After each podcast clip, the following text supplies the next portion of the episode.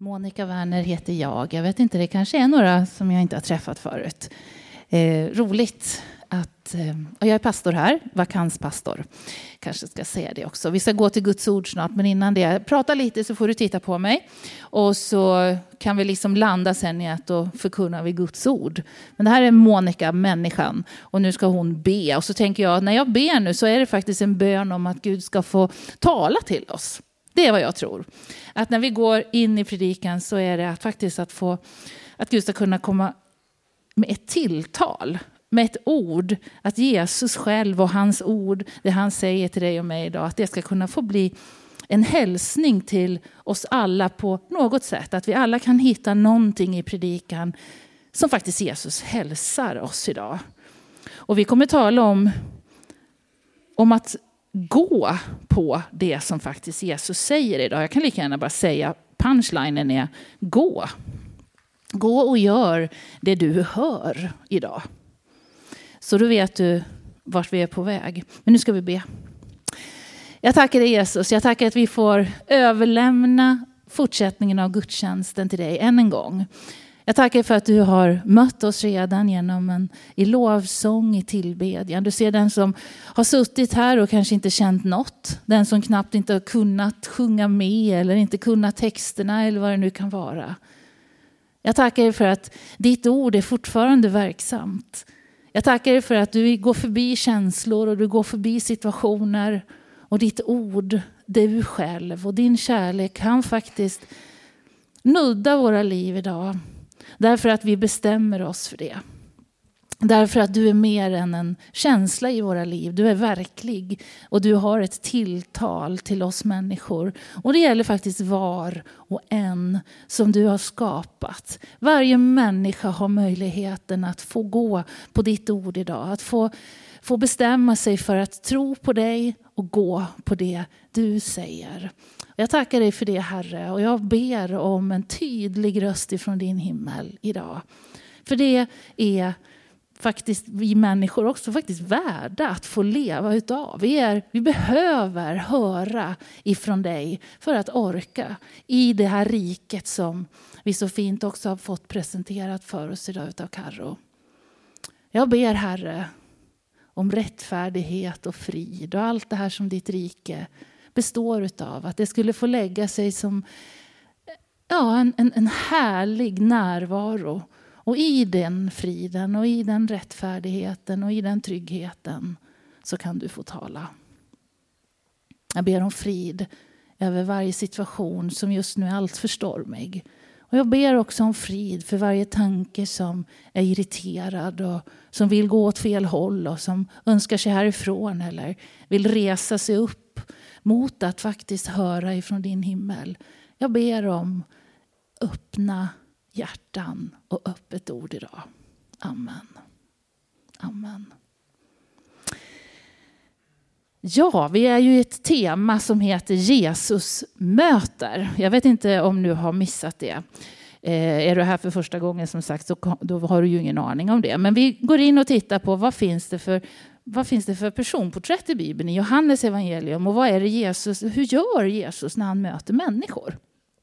Och nu har vi kommit till Johannes 4 och 5 och idag tänker jag klämma in två möten. Alltså två stycken, både ämbetsmannen som det kallas för och eh, mannen vid Betestadammen. Eh, och det beror på att jag skulle vilja ställa dem bredvid vid varandra. Eh, ibland kan det vara kul att se hur gör Jesus just i det här specifika fallet. Men jag tycker idag att vi ska ta och titta på hur gör Jesus där och hur gör han här. Så då måste man ju börja med den ena och då börjar vi med ämbetsmannen. Och om ämbetsmannen kan man läsa i Johannes 4. Så har du din bibel där så kan du liksom slå upp Johannes 4. Eh, ska vi se, nu är jag på fesbrevet här. Eh, då står det så här, vi kan väl läsa om honom här. Vi börjar ifrån vers 46. Det har vi här, vad bra. Jesus har som sagt varit i Jerusalem och så kommer då han tillbaka till Kana där han har gjort ett under förut, det här vatten till vin, ni vet. Så kom Jesus tillbaka till Kana i Galileen där han hade gjort vatten till vin. Ja, det står ju tydligt här.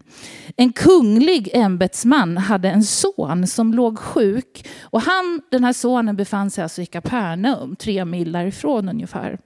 När han, den här ämbetsmannen fick höra att Jesus hade kommit till Jude, från Judeen till Galileen, då gick han den här resan till honom och bad att Jesus skulle komma ner till Kapernaum och bota hans son som var döende. Då sa Jesus till honom, om ni inte får se tecken och under så tror ni inte. Hmm. Hmm. Ämbetsman, man tror att det här är en hovman eh, till en sån tetrark. Eh, Herodes, eh, jag skrev upp det här, Antipas tror man. Man tror att han liksom är en, han är en, en, en, en eh, han har tjänare och han är liksom inte ensam. Han, är, han har lite makt den här ämbetsmannen.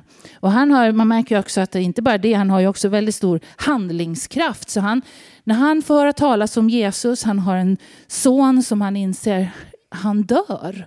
Jag måste göra någonting. Då är inte han den som inte är van att ta beslut, utan han ger sig iväg på en resa.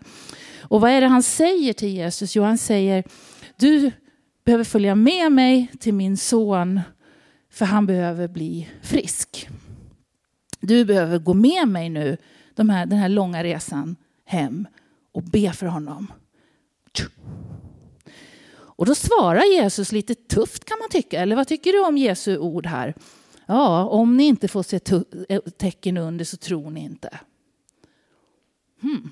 Ja, alltså ni, han, han pratar med honom, ser du, han sa till honom om ni, alltså det är nästan så att han använder den här mannen som ett exempel för flertalet som står och lyssnar. Han blir nästan som en, en, en, en, en, Eh, en, säga, en bild av någon som kräver under och tecken. Eller hur? På något vis kanske Jesus känner sig, ja, men det är okej med den här mannen. Han har så mycket handlingskraft. Han är så på G. Han är också så förtvivlad för sin son. Så jag passar på och talar om här att jag tycker att det är bra om man tror på mig även utan under och tecken. Det, han, han, han har råd med det, Jesus. Att säga, det går att tro på mig som Jesus och Guds son trots att man inte ser saker.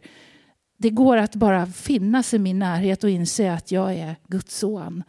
Men ni kräver under och tecken och det är vad du också gör här för du har hört att jag har gjort under i Kana förut. Nu kommer du och säger det här för annars så, tror ni inte. Och så problematiserar han varför han söker upp Jesus. Ja, det är som att Jesus vet att det här funkar på den här mannen. Han kommer inte vika ner sig ändå.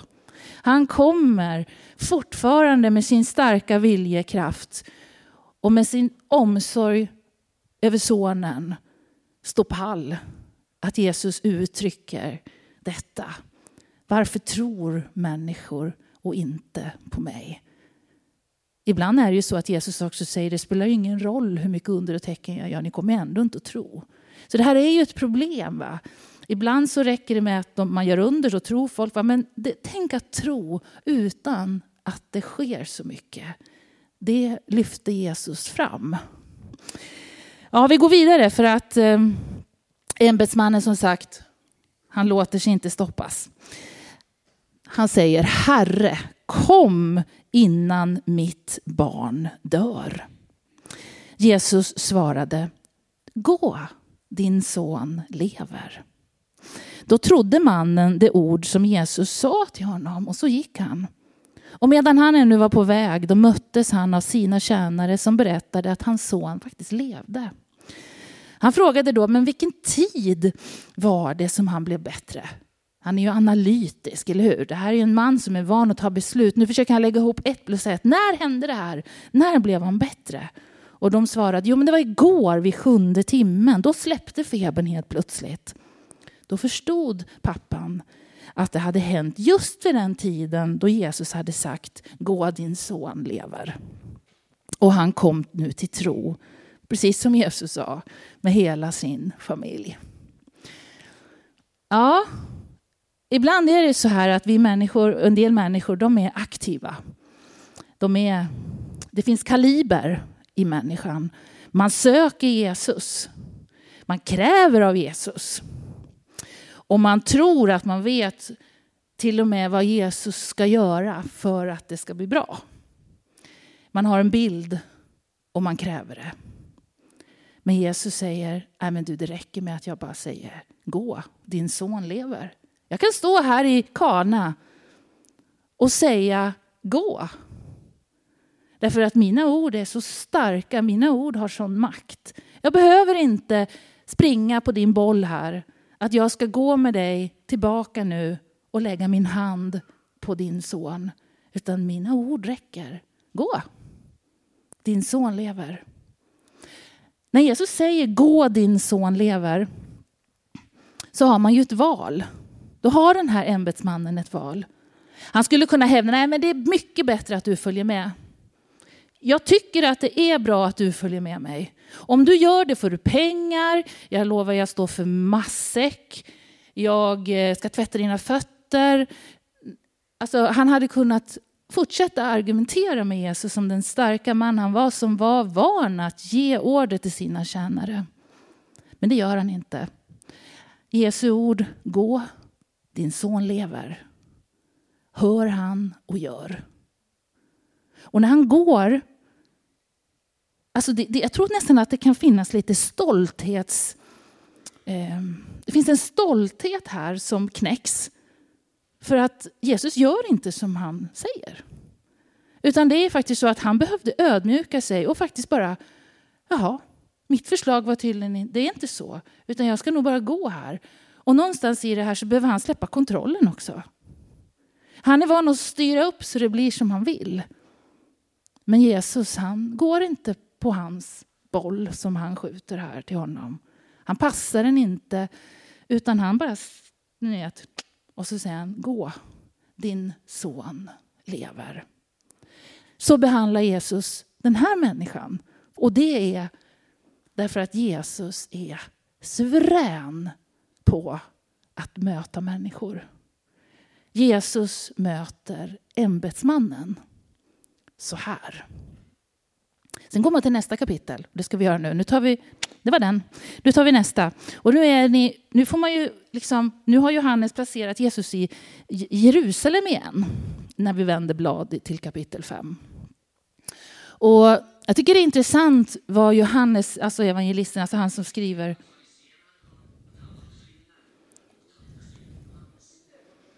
Ja, det, det, det, var, ja, jag trodde att det var, ja, det var fint. Ja, precis. Var det det? Råkade du hitta just det rätta stället också? Ja, jag tror vi, vi, vi tar det med mig då.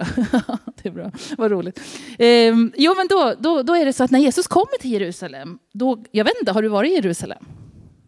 Vart gick man först? Vad var roligast? Ni som var där. Vad ville man gå först? Vad sa du? Oljeberget är ju strax lite utanför stadsmuren, men absolut. Ja. Ja. Fler ställen? Marknaden? Ja. Se lite myller. Tempelplatsen är ju cool. Att man kan gå upp där. Ja, oh, att det finns. va. Och muren. Och, alltså man vill ju till platser. Men var går Jesus? Det är ju intressant. Han går till en damm uppe vid fårporten. Eh, han går liksom till ett ställe där, där sjuka samlas. Han går till ett ställe där eh, Alltså det, det, jag tror inte att det är speciellt roligt på den här platsen. Eh, för jag har tänkt mig in lite i den, så jag ska berätta hur jag tänker. På den här platsen dels så finns det massa sjuka människor och det är ju helt okej. Okay. Det är så på sjukhus och överallt. Vi kan vara sjuka. Men det som är det är att man har ju också en damm där. Och den här dammen, man tänker att jag måste liksom, när den, den vattnet rör sig i dammen så finns det liksom som en sägen, en tro att när den rör sig då ska jag först ner som sjuk. Och jag tänker just den där situationen, att, att jag ligger här, svårt sjuk, och stirrar på den här dammen. Det rör sig. Och så kommer Knut före. Liksom. Och jag har väntat i dagar. Och så frustrationen bara, ja ah, det var ju roligt för Knut. Eh, Och jag, jag hann ju inte ens... Vad synd att jag kollade bort just då. Så, eh, ni förstår, det är liksom armbågarnas, de vassa armbågarnas plats. Kombinerad med svår sorg, död, lidande, smärta och med hopp som hela tiden bara dör. Där man tror att den här platsen eh, är en möjlig avgudaplats. Va? Att, det, att det finns i det här grekisk-romerska blandningen av det mångkulturella i Jerusalem så tror man att mycket möjligt att det här är någon slags, man ber till en gud om läkedom, att det har inte så mycket alls med Gud att göra utan att det finns liksom en tro kring den här kring den här, det här vattnet som har med någon läkedom att, någon läkedomsgud att göra. Man vet inte riktigt.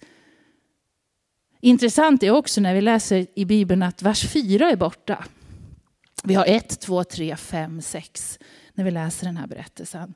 Och det beror på att man efter ett tag ville lägga in en vers, ett tillägg i Bibeln, där det beskrivs att man trodde att det skulle komma ner en ängel och röra vid vattnet.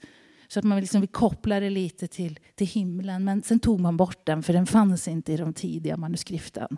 Så man, alltså den här platsen är lite speciell. Man försöker förstå vad det var för plats. Men det är ganska, egentligen, det viktigaste är att nu hamnar Jesus här. här går, hit går Jesus. Till den här platsen av vassa armbågar och sorg. Han skyr inte platsen. Ska vi läsa om den? Fem och ett. Och vi som sagt läser inte vers 4 då, för den finns inte i vår bibel längre. Som egentligen handlade då om den här ängen som klev ner i vattnet. Sedan kom en av judarnas högtider och Jesus gick upp till Jerusalem. Vid fårporten i Jerusalem så finns en damm som på hebreiska kallas Betsa, Betesda. Förlåt. Den har fem pelargångar och i dem låg många sjuka, blinda, halta och lama. Där fanns en man och han hade varit sjuk i 38 år. Jesus såg honom ligga där och visste att han hade varit sjuk så länge och han frågade honom Vill du bli frisk? Den sjuke svarade Herre, jag har ingen som hjälper mig ner i dammen när vattnet börjar svalla. Och när jag försöker ta mig dit, då är det någon annan som är före mig. Jesus sa till honom, res dig, ta din säng och gå. Och genast blev mannen frisk och han tog sin säng, sin bädd och gick. Ja, den lame eller den sjuke, vi vet ju inte riktigt. Han har legat i 38 år och varit sjuk. Alltså att vara sjuk i 38 år. Han har satt sitt hopp till den här dammen. Han har rullat kanske på något vis fått hjälp att rulla ut någon liten madrass då där som är hans säng. Då, då. Här ligger han och när det svallar då har han ingen som kan hjälpa honom ner. Han är inte handlingskraftig som ämbetsmannen. Han är fast under sina omständigheter. Han har för länge sedan tappat så här, nu gör jag så, så gör jag så, sen gör jag så. Nu gör jag så här, nu bestämmer vi det här. Han har för länge sedan kommit ifrån kanske att han skulle kunnat vara en sån man om han hade haft en annan förutsättning. Men nu är han en man som är helt utan initiativkraft. På grund av sjukdom, på grund av sin situation och sin sociala status kanske. På grund av att han lät det ske. Eller på grund av att omständigheterna påverkade honom så mycket. Vi vet inte. Men han är, han är fånge i sin tanke. Han är fånge i att stirra på dammen och han har satt hela sitt hopp till dammen förstår man. Så när Jesus kommer till honom och frågar Vill du bli frisk? Vad svarar han då? Om du tittar på texten, ligger den kvar? Vill du bli frisk? Nej, men jag har ingen som hjälper mig ner i dammen när vattnet börjar svalla. Det är hans svar. Ja, men jag, jag, jag, jag, jag, jag har ingen som, jag kommer inte ner här. Han har en tankebyggnad, han har liksom en riktning där han tror att saker ska hända. Det är så jag blir frisk. Det är det här jag har bestämt mig för. Det här kämpar jag för.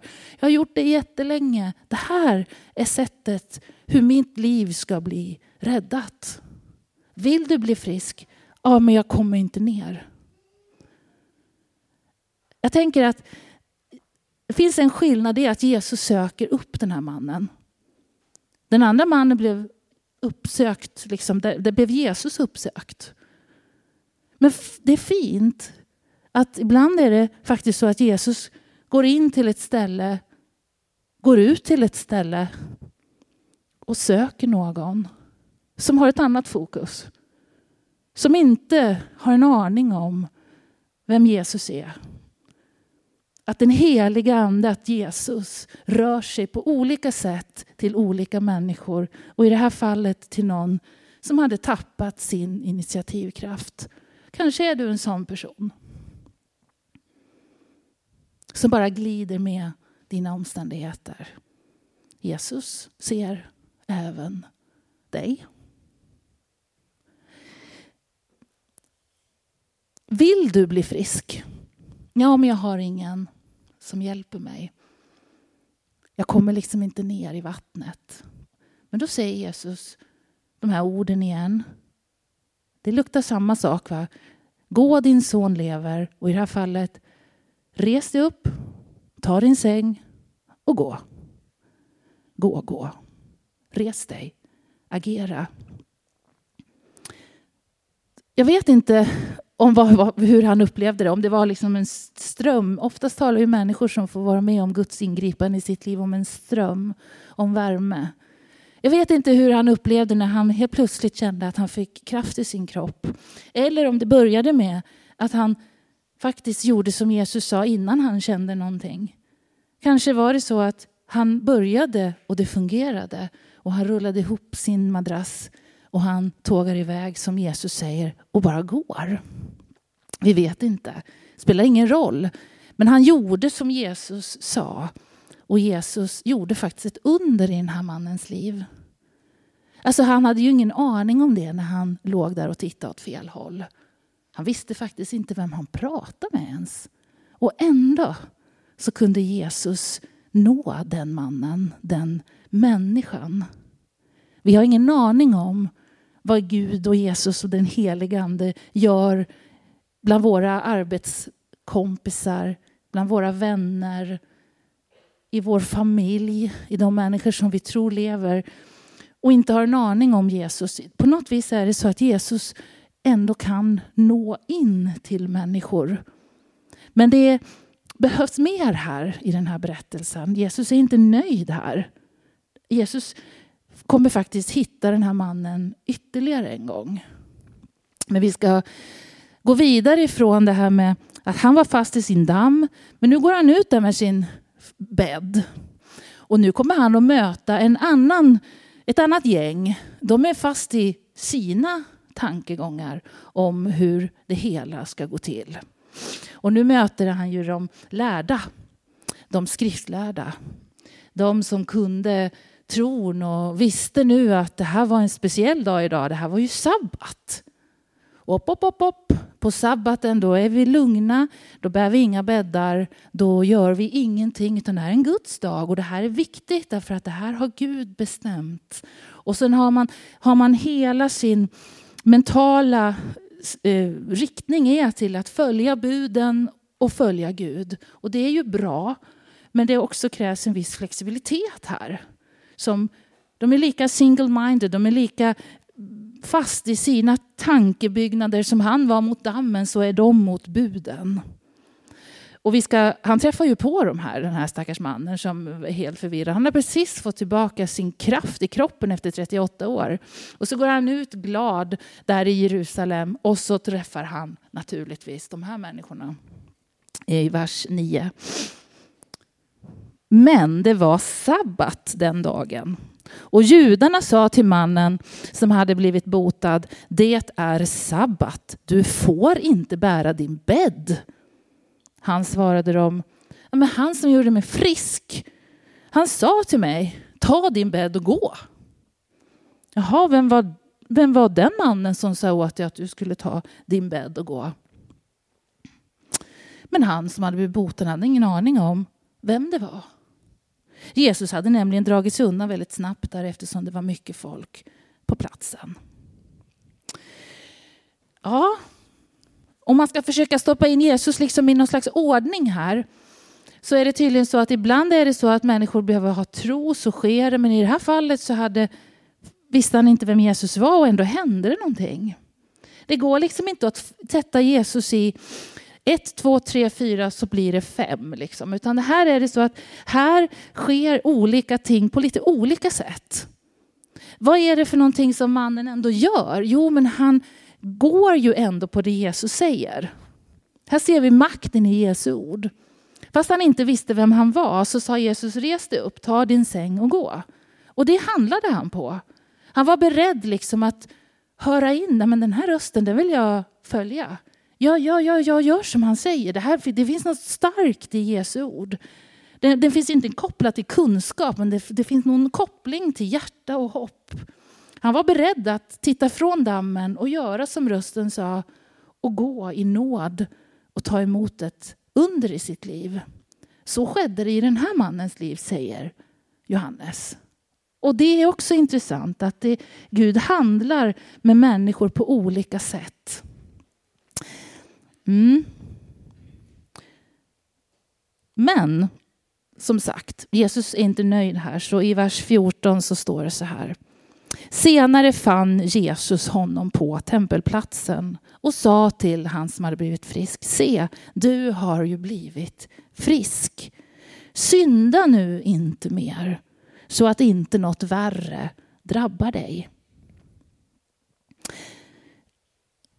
Synda nu inte mer.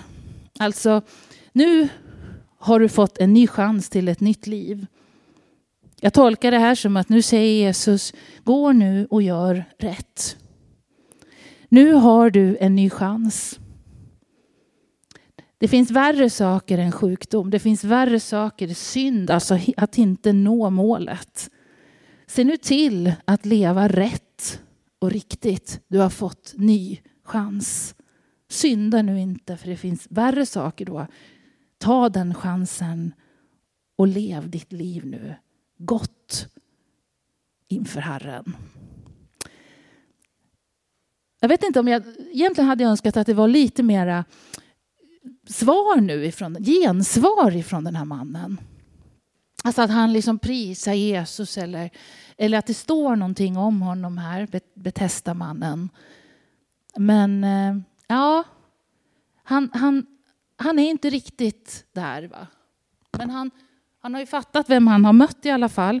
För det, det som händer det är ju att direkt så, så berättar han Står det där? Ja, det gör det. Mannen gick då och berättade för judarna vem det var. Antar att han tyckte så här, wow, nu fattar jag ju vem det är. Det kan ha varit så liksom, att han inte, alltså han var glad, nu har jag ett svar här. Liksom. Så kan det ha varit. Det var, det var ju bara det att det här det sätter ju igång nu någonting. Och det kanske var helt klart meningen eftersom Jesus han, han, han skulle ju nu också, det skulle ju väcka förakt vem han var naturligtvis, för han ska ju så småningom också gå mot ett kors, ett korsdöd. Vi vet inte riktigt hur det här ligger till, men mannen gick då och berättade för judarna att det var Jesus som hade gjort honom frisk. Därför började judarna nu förfölja Jesus eftersom han gjort sådant på sabbaten. Men Jesus sa nu till de skriftlärda, min far verkar fortfarande och därför verkar även jag. Då blev judarna ännu ivrigare att döda honom eftersom han inte bara upphävde sabbaten utan också kallade Gud sin far och gjorde sig själv lik Gud. Mm. De här två berättelserna. Nu har du fått den ena med hovmannen, med ämbetsmannen här, med tjänare och lite krav på Jesus, men som får vara med om ett under.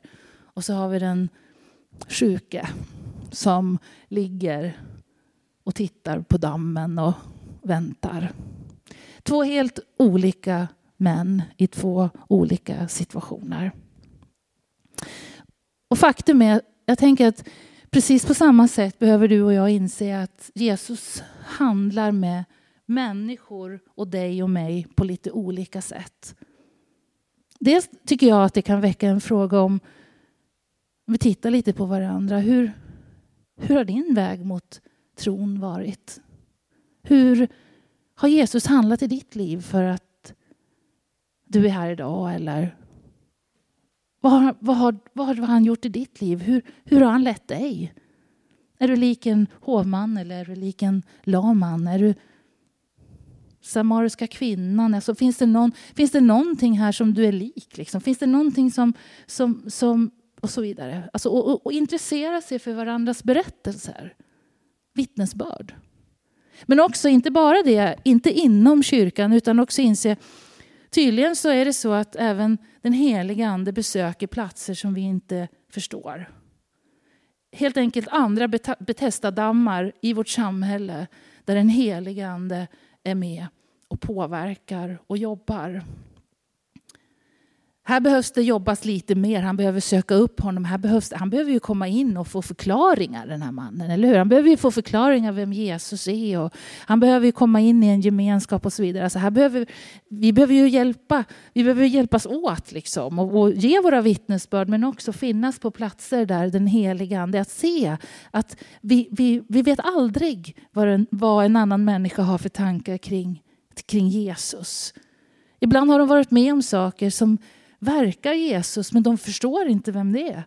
Jag var med om det här och det, det kändes så gott men jag vet inte, det, jag bara kallar det något så här kraft. Ja, men jag tror att det är Jesus. Du ska, alltså att, att, att, att vara öppen för vad människor säger i sina processer, i sin sökan efter det gudomliga, efter Jesus. Men att också presentera det som sker med Jesus. Att veta vem Jesus är att du vet vem Jesus är. Att du har ditt vittnesbörd levande och att du kan berätta in i andra människors liv. Så här tror jag. Det tycker jag de här två berättelserna kan inspirera till. Jag tror också att många människor är fast i sina tankemönster. Om vi tar de här två herrarna så, ni vet, kom till mig, följ med mig hem till Kapernaum och, lägg liksom, och be för min son fysiskt. Eller man stirrar i dammen och tror att härifrån kommer min hjälp. Men vår hjälp kommer ifrån Herren. Eller hur? Att inse att det jag tror är räddningen för mitt liv i de val jag har framför mig, i i det jag tror om andra människor eller vad som vore bäst för andra människor eller för sina barn eller för vad det nu kan vara. Att faktiskt inse att vi är fast i vissa tankemönster ibland om hur det borde vara. Hur andra människor borde göra eller vad som vore bäst. Att inse att om Guds rike ska få bli fördjupat och breddat så måste vi, precis som ämbetsmannen var beredd att gå när Jesus säger det, fast vi inte riktigt vet. Släppa liksom stoltheten. Nej, men det kan, okej, jag går ändå. Då. Det kanske inte var exakt så jag trodde, men, nej, men om jag, nu känner jag mig manad, jag gör detta. Eller att kunna få be om hjälp att bryta det vi tror är vår räddning. Vattnet i dammen mot Jesus, mot hans kraft. Att inse att jag sätter ett stopp över detta i mitt liv. Och så lyssnar jag på dig istället. Jag söker inte någon annanstans. Söker inte min räddning i periferin utan jag går till källan. Det här är jätteviktigt för, för, för oss idag som har så mycket info som strömmar in i våra liv som har så mycket eget, så mycket cash så vi kan välja. Vi har så mycket ekonomiska förutsättningar så att vi kan styra våra liv. Vi har det väldigt bra, kan man tänka, i vårt land. Att faktiskt då inte bara försöka lösa våra liv på egen hand med försäkringar, pengar, vänner, saker, info. Alltså allt det här som, jag, jag, vet inte, allt det här som ni vet. Att faktiskt bara, nej, men nej, det är inte min räddning. Det är inte min lycka. Min lycka är att vara en tjänare till Jesus. Sök först mitt rike så får du det andra också. Det kommer att bli bra. Det, Och det är hans ord. Jag tänker också att han bara kan stå så där. Det är som typ internet, man bara fattar inte vad, hur det händer. Men Jesus bara står där och säger till den här hovmannen, gå din son är helad. Det är liksom någon så här osynlig, så är hans ord verksamma tre mil bort i Kapernaum. Alltså det är lite så, eller hur, ni vet internet, mobiltelefon. Hans ord kan liksom sändas ut i rätt stund och bara ha sin verkan. Och det måste vi tro. Och vi behöver också inse att vi behöver leva av detta som hans folk. Vi behöver leva av hans ord och det han säger. Det är vår mat. Det är det som är rättfärdigheten och friden. Det är det som är att tillbe Gud. Du sa ju det i början, att det är vår källa. Här är det där Jesus talar. Det är friden och rättfärdigheten. Här får vi näringen som gör att vi reser oss upp, tar vår säng och går, trots att det kanske är sabbat. Varför? Jo, det säger Jesus. Det finns ett svar på detta. Varför ska du och jag göra? Jo, det är för att Gud verkar, han talar och verkar och därför verkar jag, säger Jesus. Jesus sa till dem, alltså han, de undrar varför håller du på så här på sabbaten? Jo, men min far verkar fortfarande och därför ju, håller ju jag på. Han håller ju på och talar. Han håller på och verkar. Han håller på att ha planer för människor som jag möter. Han säger till mig så här och gör så. Han leder ju mig till mannen i Betesda. Han verkar ju. Och nu råkar det vara på sabbaten. Och därför verkar också jag, för att det var dags, det var tid den här gången. Och det var precis vad sabbaten var till för, det vill säga ett möte med Gud. Och Jesus vet detta, han höjer sig över detta och säger men det är det här sabbaten är till för, Guds möten. Nu bär han sin säng och han gör det med glädje. Han kommer inte göra det nästa sabbat. Den är inte fast på hans axel. Idag kliver han runt i glädje med sin säng. Men nästa sabbat, då kanske han firar inför Herren i lugn och ro, liksom, utan säng. Men idag bär han sin säng. Låt honom göra det. Var flexibel. Var öppen. Ta bort skygglappen och se vad den heliga Ande säger i ditt liv. Res inte hinder. För, för Gud verkar, därför verkar jag. Den heliga ande verkar och därför verkar du. Den heliga ande talar och därför kan du också gå och göra. Vad händer? Jo, det händer gudomliga ting när Fadern verkar och Sonen gör. Det händer gudomliga ting av evighets karaktär av frid och rättfärdighet och lugn och under när Guds folk lyssnar på den helige Ande och gör. Men det måste vara ett hörande och ett görande. Inte ett görande i panik. Det är ett hörande. Som du sa, du sa ju det med. Jag satt hemma och tänkte, vad ska jag göra? Vad ska jag göra? Vad ska jag göra i min inledning? Nej men, du ska inte göra. Du ska berätta om mig. Du ska vila. Vad ska jag göra? Jag ska sjunga sånger. Nej, du ska inte sjunga sånger. Du ska lovprisa mig. Vad ska jag predika om? Du ska inte predika. Du ska förkunna mitt ord. Alltså, vad ska jag göra till min omgivning? Ja, du ska inte vittna och springa runt och kasta lappar eller stå och skrika i megafoner. Vad ska jag göra? Jo, du ska berätta om mig. På det sätt som är naturligt, på det sätt som jag leder dig. Vad ska jag göra? Vi ska ha en sån här, eh, sån här eh, eh vad heter jul? Nu tappar jag ordet. Julvandring. Vad ska vi göra? Det är ju precis där vi är. Skriv upp dig på görandet. Ja, Gör det. Men vad är det du ska göra? Jo, men du ska ju berätta om Jesus i spåret. Skriv upp det där och gör. Men du, vad är det du gör? Jo, jag ska berätta om Jesus i stöpen med omnejd. Ska få gå en vandring som de tyckte var rolig, som de gillade. Och så ska vi berätta om Jesus i spåret. Du kanske råkar vara den som ska sätta upp någon marschall eller dra någon ledning eller dela ut en liten grej. Men vad är det du gör? Jo, du står inte där och tänder en marschall. Du förkunnar glädje och frid, rättfärdigheten i Guds rike. Det vi gör är att vi gör saker för att Jesus ska bli tydlig.